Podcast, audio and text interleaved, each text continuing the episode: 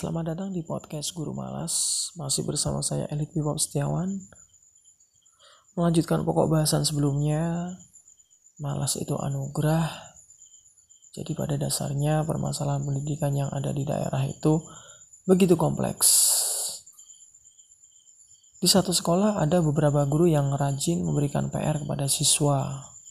Sebagian yang lain seperti saya tidak pernah memberikan PR sama sekali kepada siswa masing-masing punya argumen yang kuat tentang hal ini.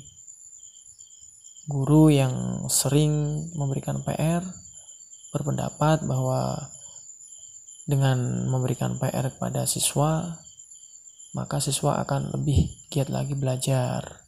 Materi yang disampaikan di sekolah bisa lebih dikuasai lagi. Sementara saya yang tidak pernah memberikan PR berpendapat, berpendapat bahwa pemberian PR di rumah itu hanya akan menambah rasa bosan siswa terhadap materi-materi yang ada di sekolah.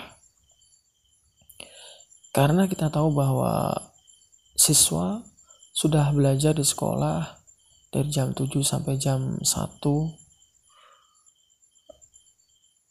itu tentunya sudah begitu jenuh dengan materi-materi yang ada di sekolah jadi biarlah ketika mereka pulang dari sekolah, biarlah mereka berkumpul bersama keluarga, bercerita, bercengkrama, ngobrol tentang apa yang diinginkan. Biarlah waktunya memang sepenuhnya untuk keluarganya. Syukur-syukur kalau misalnya siswa bisa membantu meringankan pekerjaan orang tuanya. Dengan demikian, menurut saya itu akan lebih bermanfaat.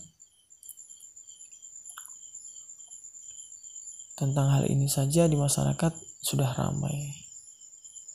Ada beberapa orang tua yang senang dengan guru yang selalu memberikan PR.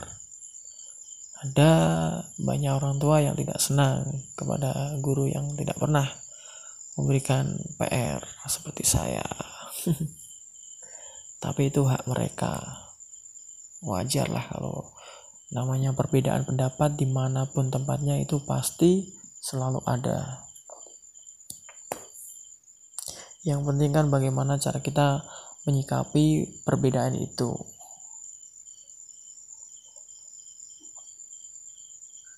Terus saya sangat tidak nyaman dengan panggilan guru di luar jam sekolah. Itu menurut saya karena panggilan guru itu terasa membebani.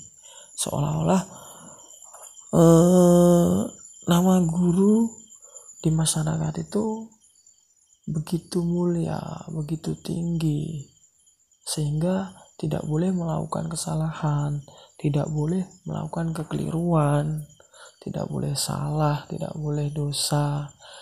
Selamanya sifat tutur katanya harus benar. Nah, itu sangat mengganggu sekali bagi guru malas seperti saya.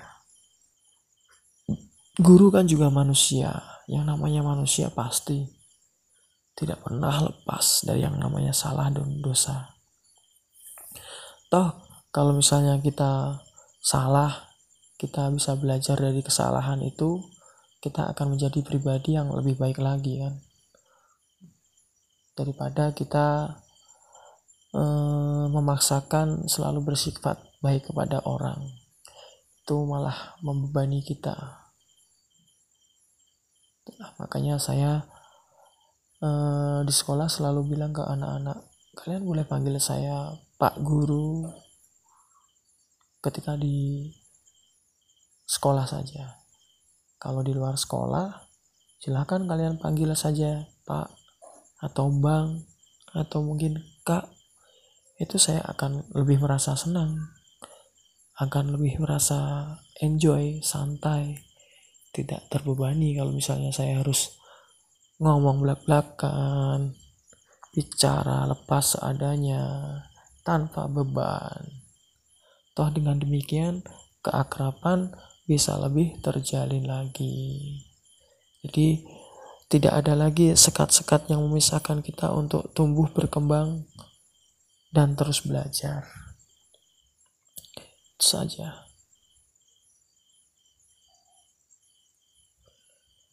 Masih banyak masalah-masalah lain yang terjadi di sekolah-sekolah. Tentunya saya tidak bisa menguraikan panjang lebar, apalagi saya guru malas kan kalau terlalu banyak ngomong nanti malah dikira hanya bualan saja. Kalau tidak pernah ngomong nanti dikira batu cuma diam saja.